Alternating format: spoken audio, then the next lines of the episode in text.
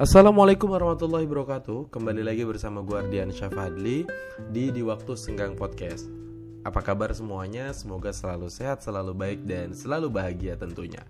Um, Ya, karena hari ini masih di momen Idul Adha gitu Jadi gue ingin mengucapkan selamat Idul Adha buat um, seluruh umat muslim di dunia gitu ya terutama di Indonesia dan paling khusus para pendengar DWS podcast gitu.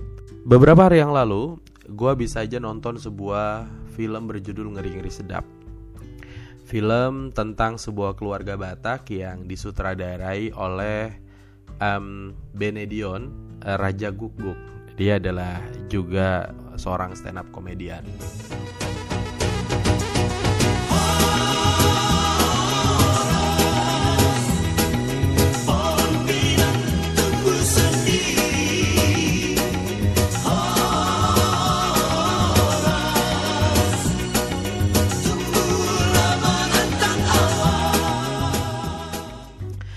Uh, sebelum gue lanjut ke sebuah ceritanya, gue pengen uh, ceritain dulu atau jelasin uh, alasan gue menonton film ini. Kalau boleh jujur dari awal sebenarnya gue agak ragu sih gitu, karena ini kan uh, film tentang sebuah suku gitu ya, misalnya film Batak gitu. Dan menurut gue dari awal nih kayak mikirnya, oh ini filmnya terlalu primordialistik gitu, jadi kayak akan sangat ya karena bercerita tentang keluarga Batak gitu. Mestinya yang nonton ya orang Batak gitu.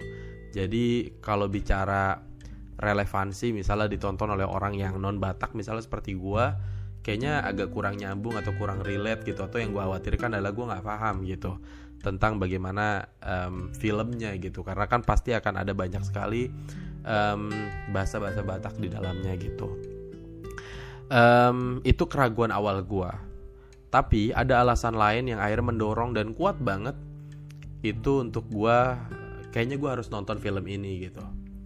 Um, alasan yang pertama adalah uh, pekerjaan atau tempat kerja hari ini teman-teman gue mayoritas adalah orang Batak. Dari mereka ada yang hafal betul tentang sejarah Batak. Bahkan ketika kita ngobrol nongkrong, mereka selalu bercerita tentang bagaimana keluarga Batak, um, bagaimana kesetiaan orang Batak. Jadi nilai-nilai dan prinsip termasuk adat, termasuk keturunan, termasuk pantangan gitu. Dan bagaimana um, keluarga Batak Medan itu eh maksudnya keluarga Batak gitu ya Sumatera Utara itu sangat menjunjung tinggi adat mereka dan sangat menjaga gitu. Bahkan saking sakleknya gitu uh, mana apa ya kalau Batak kan marga ya. Marga ini tidak boleh nikah sama marga ini marga ini harus menikah sama marga ini. Jadi kayak gue lupa ada ada boru apa boru apa gitu jadi istilahnya. Itu yang pertama. Kedua ya tadi eh, gue punya teman orang-orang Batak gitu. Di lingkaran terdekat gue bahkan di lingkaran yang luar gue gitu. Di lingkaran terdekat ya teman-teman kerja eh, ya kan? Apalagi di teman-teman di Ciputat gitu. Gue sering banget nongkrong ngopi sama orang Batak gitu sama orang Medan ya kan? Ada yang marganya Saragi ada Hasibuan ada Lubis ada Sirait ada Sihaan ada Siagian ada Lubis. Dan banyak yang lainnya yang um, menurut gue mereka baik-baik gitu dan um, ya karena mereka juga sering sekali bercerita tentang kehidupan Bataknya seperti apa akhirnya itu yang mendorong gue untuk gue harus nonton nih film ngeri-ngeri sedap. Karena paling tidak dengan gue nonton itu gue akhirnya akan jadi tahu seperti apa gambaran umum kehidupan uh, masyarakat um, Batak gitu atau Medan atau Toba atau mana pun ya di Sumatera Utara. Um, makanya ketika gue nonton pun gue mengajak salah seorang uh, temen gue yang juga uh, orang Medan gitu atau orang Batak gitu. Marganya adalah Saragi gitu. Jadi gue nonton sama teman gue namanya Rizky Saragi. Um, Kenapa gue ngajak dia? Ya karena dia pertama orang Medan. Karena eh, paling tidak itu mengantisipasi ketika nanti gue nggak paham tentang filmnya, gue bisa mengkonfirmasi sama dia gitu. Tentu setelah selesai film. Jadi eh, harapan gue adalah ketika gue habis nonton film itu, ketika ada yang nggak paham, gue paling nggak nanya ke dia, konfirmasi ke dia, kenapa bisa begini, kenapa bisa begitu segala macam. Dan faktanya benar saja men gitu. Ketika gue nonton film ini menurut gue ini adalah film yang menarik gitu. Walaupun sebenarnya ketika gue nonton hampir dari awal sampai akhir keraguan gue di awal misalnya ini terlalu primordialistik apa segala macem um, ternyata menurut gue nggak juga gitu. Jadi film ini adalah film yang cocok banget ditonton oleh siapa pun.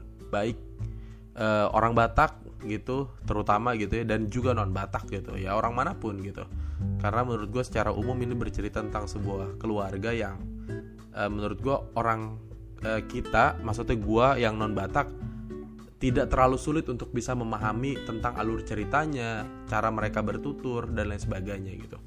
Kedua karena ini diperankan oleh banyak orang stand up komedian gitu ya. Ada Lolo, ada Indra Jegel, ada Boris Bokir, ada Tika Panggabean dan lain sebagainya. Akhirnya jalannya film ini menjadi sangat lucu, cair dan ya tadi gue aja nggak bisa berhenti ketawa gitu dari awal sampai akhir. Bahkan gue ngekek gitu ketawanya bener-bener ketawa men gitu.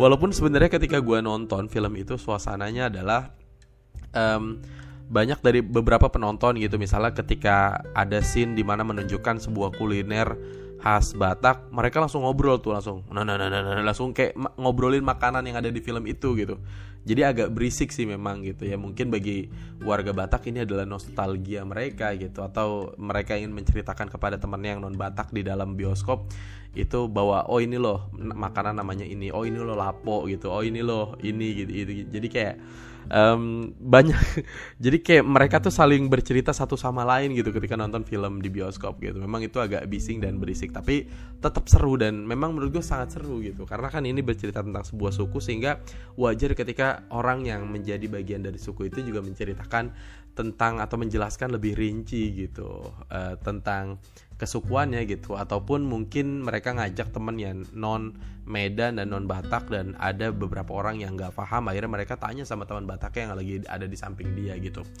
Uh, berbedanya sama gua gua nggak langsung nanya sama Rizky Saragi gitu jadi kayak misalnya ada scene ini jadi tidak melakukan apa yang orang lain lakukan gitu. Jadi memang gue sengaja untuk tidak ngajak ngobrol Rizky Saragi gue sengaja untuk tetap fokus uh, sama film dari awal sampai akhir. Jadi pertanyaan-pertanyaan yang muncul di kepala gue segala macam itu gue simpen yang nantinya kemudian gue bisa ceritain gue bisa tanya konfirmasi sama Rizky Saragi um, dan itu lebih enak itu lebih nikmat gitu.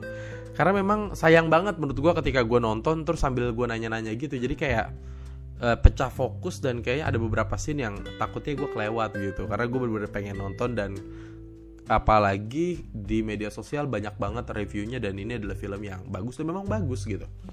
Um, jadi lanjut ya kita ke filmnya yang gue pahami aja gitu. Sedikit saja sebenarnya gue pengen review um, film ngeri ngeri sedap adalah sebuah film yang bercerita tentang sebuah keluarga Batak lebih tepatnya Batak Toba kenapa gue bisa tahu karena um, setup atau lokasi tepatnya itu ada di ya Toba gitu. Jadi ada di sebuah rumah, rumahnya itu cuma satu di situ dan itu persis di samping Danau Toba gitu.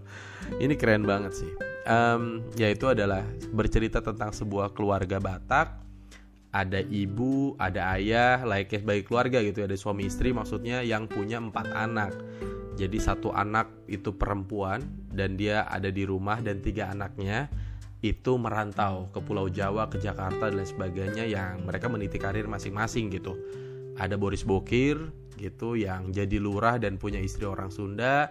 Terus juga ada Indra Jegel gitu yang mengabdi pada seorang kakek tua di Yogyakarta, intinya kerja di sana. Ada Lolo yang memilih menjadi apa mencari peruntungan sebagai seorang komedian atau artis masuk TV di Jakarta. Nah tiga orang ini tuh nggak pulang-pulang men. Jadi sejak merantau mereka kuliah ke Pulau Jawa Dari Medan atau dari tempat kelahirannya Mereka ini nggak pulang-pulang ke Medan gitu Jadi ini bercerita tentang sebuah keluarga Batak di mana eh, ayah dan ibunya tuh rindu tiga orang ini gitu. Rindu anaknya nggak pernah pulang gitu yang udah berkarir lama banget di perantauan gitu. Jadi setiap nelpon setiap video call segala macam disuruh pulang itu nggak mau dan selalu ada alasan dan alasannya adalah sibuk sibuk sibuk dan lain sebagainya gitu. Nah um, akhirnya karena nggak mau pulang apalagi uh, di keluarganya itu akan ada apa ya kayak semacam um, prosesi gitu atau apa ya acara adat gitu di mana seorang nenek atau opung itu memberi kalau eh, koreksi kalau gue salah gitu opung itu memberi makan cucu-cucunya gitu. Ya tiga orang ini yang merantau gitu. Jadi kalau mereka nggak datang ke eh, ke rumah eh, ke kampung ke Medan otomatis eh, orang tuanya akan malu nih sama neneknya atau sama opungnya atau sama pamannya gitu. Karena kan ini acara hajatannya mereka gitu di mana opung memberi makan uh, cucu-cucunya. Jadi kalau nggak ada cucunya acaranya mungkin bisa berjalan tapi ya akan sia-sia gitu. Karena ya cucunya nggak ada gitu. Karena kan ini acara memberi makan cucu oleh opung gitu. Nah akhirnya uh, sebuah usaha dilakukan gitu sama orang tuanya. Jadi si orang tua ini demi untuk supaya tiga orang anak ini pulang ke Medan gitu jadi mereka pura-pura untuk bercerai gitu. Jadi kan karena susah banget ngajak tiga orang anak ini buat pulang ya mereka udah kita pura-pura cerai aja lah ya kan gitu lah. Ngomongnya gitu lah ya. Um, ya akhirnya pura-pura cerai itu pura-pura cerai kira-kira mereka pulang nggak nih? Pokoknya kalau kita cerai pura-pura cerai terus mereka nggak pulang wah keterlaluan banget nih anak gitu akhirnya ya ya udah gitu pura-pura cerai mereka pulang tiga orang anak ini gitu dan hanya punya waktu singkat sekitar dua hari untuk bisa mendamaikan kedua orang tuanya yang ingin bercerai gitu padahal pura-pura. Um, akhirnya nggak berhasil gitu. Ternyata si orang tua ini tetap berpura-pura untuk terus bisa memperpanjang waktu mereka ada di Medan gitu. Karena oh, ibunya ini masih ibunya ini diperankan oleh Tika Panggabean gitu. Ibunya ini masih sayang banget kangen banget gitu. Karena nggak pernah pulang kan si anak ini gitu. Jadi ya mau tidak mau kepura-puraan gitu. Sama anaknya gitu sih. Akhirnya ya ya udah gitu. Nah maksud gue um, sa sampai akhirnya menurut gue lucu dan lucu kocak tapi bikin gue nangis gitu. Yang tadinya pura-pura cerai malah cerai beneran gitu jadi memang eh, ya pura-pura cerai disuruh sama bapaknya ya gitu awalnya. Jadi kayak sama suaminya yaudah kita pura-pura cerai aja lah ya kan. Dia minta sama istrinya nih Siti Panggabean gitu. Sampai akhirnya mereka berdua cerai beneran gitu. Karena ternyata si istri ini emang bener kesel sama bokapnya gitu. Termasuk um, salah satu alasan kenapa tiga anak ini yang merantau nggak mau pulang ke rumahnya karena bapaknya tuh terlalu berpikir kolot gitu. Karena uh, Medan atau orang Batak itu kan budayanya adalah budaya patrialisme gitu kan. Jadi kayak um, uh, peran seorang laki-laki atau peran seorang ayah itu jauh lebih dominan dan lebih besar daripada seorang ibu kan gitu. Jadi ayahnya memang keras kepala gitu memaksakan tiga anaknya ibunya itu untuk sesuai dengan uh, apa kata dia gitu misalnya uh, tiga anaknya yang harus melanjutkan marga, yang harus nikah sama orang Medan lagi gitu. Sementara si Boris Bokir anak pertamanya kan nikah sama orang Sunda dan bapaknya benci banget gitu. Termasuk Lolo yang dikuliahkan jurusan hukum, bapaknya tuh pengen banget dia jadi hakim, jadi jaksa, jadi uh, penegak hukum. Eh ujung-ujungnya malah memilih jalur menjadi seorang komedian gitu. Nah tiga anaknya nih bete juga sama bapaknya bahkan ya nggak mau pulang ya gara-gara bapaknya terlalu kolot gitu um, termasuk si Indra Jegel gitu yang akhirnya tinggal di sebuah keluarga um, di Yogyakarta gitu jadi ngikut so apa ya ngikut bapak asuh gitu yang dulu di KKN di Jogja gitu nah mereka ini nggak mau pulang padahal Indra Jegel juga sebenarnya anak keberapa ya? Kalau nggak salah anak sulung gitu yang mereka si Indra Jegel ini harusnya di rumah atau di Medan karena dia adalah satu-satunya anak yang akan mendapatkan warisan rumah gitu ketika uh, bokapnya atau orang tuanya meninggal gitu. Sementara Indra Jegel nggak mau dan nggak nyaman dia lebih enak hidup di perantauan gitu. Jadi menurut gue di sini ada sebuah nilai ada sebuah kritik sosial gitu di mana seorang ayah yang memegang adat sepenuhnya juga um, apa ya di, di film itu sih dijelasin gitu. Jadi uh, si ayah ini harus juga bisa mengakomodir gitu atau terbuka gitu pada hal-hal baru gitu. Jadi nggak melulu ini tentang apa kata dia gitu tapi juga harus bisa mengakomodir apa yang diinginkan anak dan lain sebagainya. Menurut gue ini nilai yang bagus banget gitu. Jadi film yang di dalamnya tuh ada uh, autokritiknya gitu. Jadi ada kritik untuk kebudayaan ya orang Medan orang Batak sendiri gitu termasuk masalah jodoh gitu. Jadi selalu dibilang sama Boris Bokir ketika ditanya sama bapaknya lu harus nikah sama orang Medan harusnya gitu kan. Terus uh, Boris Bokir bilang dia nggak mau gitu. Uh, dia mau menikah dengan pilihannya. Buat dia nggak uh, penting soal adat gitu. Karena maksudnya gue dia nggak nggak nggak harus orang Medan uh, nikah sama orang Medan lagi maksud orang Batak sama orang Batak lagi. Tetapi buat dia uh, dia bisa nikah dengan siapa pun ya. Intinya kan sesama manusia bahasanya gitu. Jadi mau orang Batak orang Sunda orang mana itu adalah manusia sebenarnya gitu. Um, menurut gue ini film yang representatif banget dan uh, pastinya hampir terjadi di banyak um, budaya gitu bukan hanya Batak, Jawa, Sunda, um, apa ya Bugis, Dayak dan lain sebagainya yang kita punya adat dan nilai yang berbeda dan uh, ya masing-masing adat gitu ya punya perbedaan masing-masing termasuk Padang dan lain sebagainya. Tapi uh, ini tentu menjadi sesuatu hal yang representatif yang gue bilang karena ini mewakili gitu keresahan kita sebagai seorang masyarakat yang hidup dengan budaya kita masing-masing yang kita meyakini bahwa ada nilai-nilai yang perlu direkonstruksi gitu di mana adat dan kebudayaan juga tetap kita junjung tinggi tetapi di satu sisi juga kita harus mengakomodir sesuatu hal yang yang baru dan lain sebagainya yang kontemporer dan lain sebagainya kayak begitu. Um, lagi-lagi ini film buat gue apa ya buat gue terharu banget gitu. Ada ada momen di mana gue bener-bener nangis karena ketika mereka berkumpul di sebuah keluarga maksudnya ketika mereka pada pulang gitu ya kumpul itu drama banget gitu. Sampai akhirnya yang tadinya pura-pura cerai uh, suami istri ini malah beneran bercerai gitu. Karena si ibu itu emang beneran jengkel gitu sama bapaknya gitu. Seperti jengkelnya uh, tiga orang anak sama bapaknya gitu. Jadi ibu ini jengkel karena dia harus selalu menuruti apa kata bapaknya gitu. Bapaknya setiap hari main kelapo ya kan eh, setiap hari juga um, si istrinya juga nyamperin lagi kelapo supaya bapaknya bisa pulang gitu. Lapo tuh apa ya? Kayak kalau teman gue bilang tuh ya apa ya? Kalau di situ tuh kayak model warkop gitu tapi ada tuak di situ ada makanan di situ. Jadi modelnya kayak warkop gitu. Katanya di daerah-daerah Jakarta Timur Bekasi segala macam itu banyak sih lapo-lapo kayak gitu. Um, ya ini ya nah jadi setelah gue nonton film ini gue langsung konfirmasi beberapa hal gitu sama teman gue Rizky Saragi. Dan ketika dikonfirmasi dia bilang wah keren banget filmnya. Dia benar-benar merasakan bahwa ini memang keluarga Batak gitu apalagi Tika Panggabean sebagai seorang uh, ibu gitu ya perannya sebagai seorang istri juga. Itu juga dia bilang uh, menjiwai banget dan memang benar banget mama Batak tuh kayak gitu gitu keluhannya segala macem gitu. Termasuk bapak-bapak Batak pun begitu. Jadi terlalu um, apa ya terlalu kolot gitu. Terlalu pengen diikutin apa kata dia gitu. Um, di dalam uh, film itu juga uh, banyak hal-hal yang gue pelajarin juga gitu tentang kesetiaan tentunya tentang bagaimana keluarga Batak tuh ya menjunjung tinggi kesetiaan gitu. Ini kan berceritanya tentang uh, keluarga Batak uh, Toba yang mereka punya agama Kristen dan mereka Batak gitu. Maksudnya di Kristen aja itu apa ya uh, prinsip kesetiaan tuh jadi junjung tinggi gitu. Jadi kayak setahu gue ya dari uh, ketika ngobrol sama teman-teman gitu. Jadi kata teman gue kalau nggak salah apa yang disatukan oleh Tuhan tidak boleh dipisahkan oleh manusia gitu. Jadi kayak ketika kita menikah itu Tuhan telah menyatukan dan itu harus selamanya dalam eh, itu harus selamanya gitu nggak boleh cerai dan sebagainya. Itu Kristen.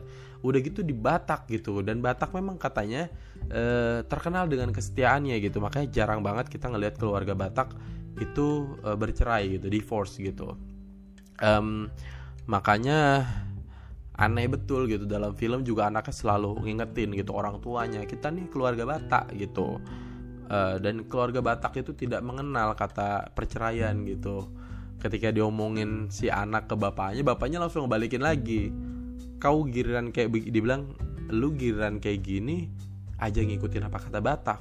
Sementara gua pengen supaya lu balik ke Medan melanjutkan adat lu nggak mau. Gitu. Ngerti gak sih? Jadi kayak uh, lu mengingatkan supaya orang tua nggak bercerai dengan kata-kata kalimat dengan Eh, bahasa-bahasa atau nilai-nilai adat gitu. Sementara gua menekankan lu supaya tetap uh, di Medan gitu demi adat, demi melanjutkan keturunan, marga dan lain sebagainya, lu nggak mau gitu. Jadi kayak nggak konsisten atau apa ya, jadi parsial doang gitu ngambil eh, nilai-nilai adatnya gitu. Oke, uh, mungkin itu saja uh, yang bisa gue ceritakan gitu ya, walaupun agak berantakan gue berceritanya.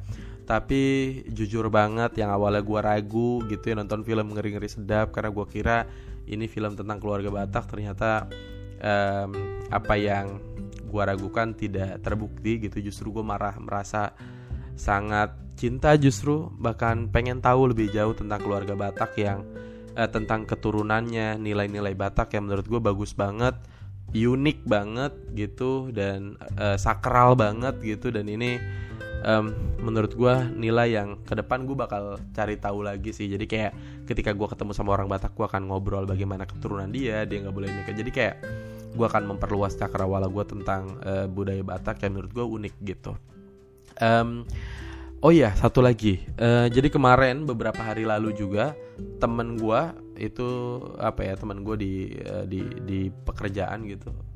R namanya Bang Richard Sirait gitu. Dia nikah gitu. Dia orang Batak dan Kristen gitu.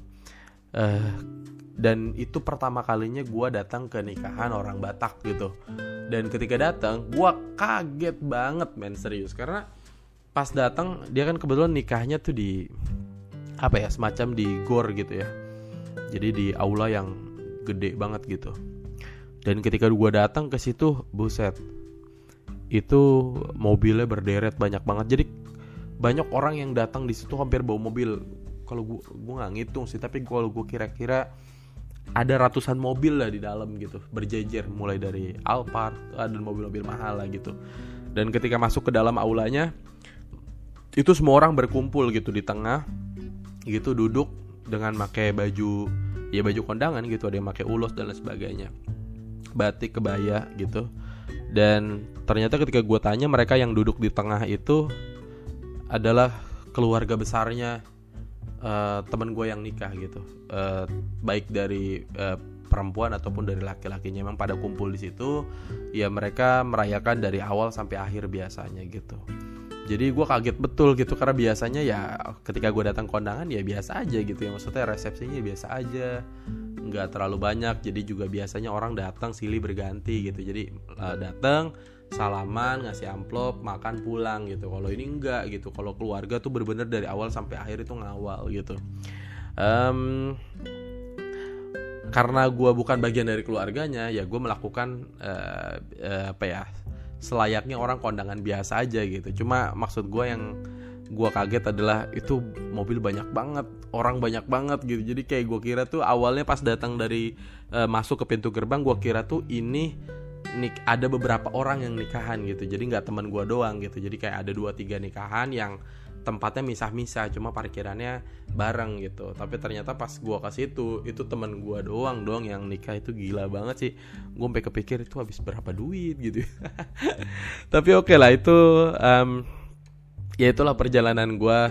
Mungkin ya bisa dibilang sebuah perjalanan menyusuri um, untuk bisa memahami sebuah uh, budaya Batak gitu. Baik secara sengaja maupun secara uh, tidak sengaja ya maksudnya prosesnya secara kultural.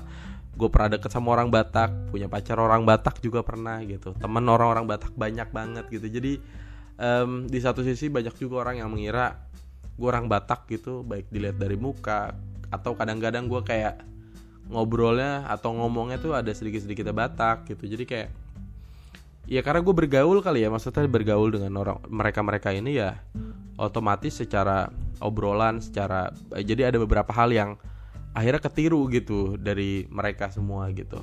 Tapi overall menurut gue orang Batak keren gitu. Mereka bener-bener punya prinsip dan nilai yang terus dijaga gitu. Dan ya kan apalagi ada teman gue ada Sahlul. Wah itu tiap hari ngajak ngopi terus. Itu keren juga gitu kan. Biasanya kan orang Batak tuh ngajaknya ke lapo minum arak segala macam kalau ini enggak bos. Ini minum kopi gitu. Jadi ya, teman gue Sahlul Lubis ini Bataknya bukan ya dia orang Medan orang Batak gitu tapi Bataknya ternyata Batak-Batak indie gitu karena dia ngajak ngopi gitu kan. Kalau minum arak kan bener kalau minum arak kelapa itu kan Batak asli kan. Ini ternyata dia apa Bataknya Batak indie gitu. Jadi hampir tiap hari beberapa hari itu sering banget dia ngajak bang ngopi bang gitu. Bang ayo bang ngopi bang gitu. Jadi kayak wah ini gila sih Batak indie gitu. Gue baru kenal nih Batak indie oke terima kasih um, semuanya uh, terima kasih juga yang sudah mendengarkan dan siapa pun yang belum menonton film Ngeri Ngeri Sedap gue secara pribadi sangat menyarankan dan merekomendasikan film ini. Bisa ditonton oleh siapa pun even kita bukan orang Batak dan ini relate banget dan uh, pokoknya bakal terbawa banget emosinya suasananya dia memang seru banget. Terima kasih. Wassalamualaikum warahmatullahi wabarakatuh.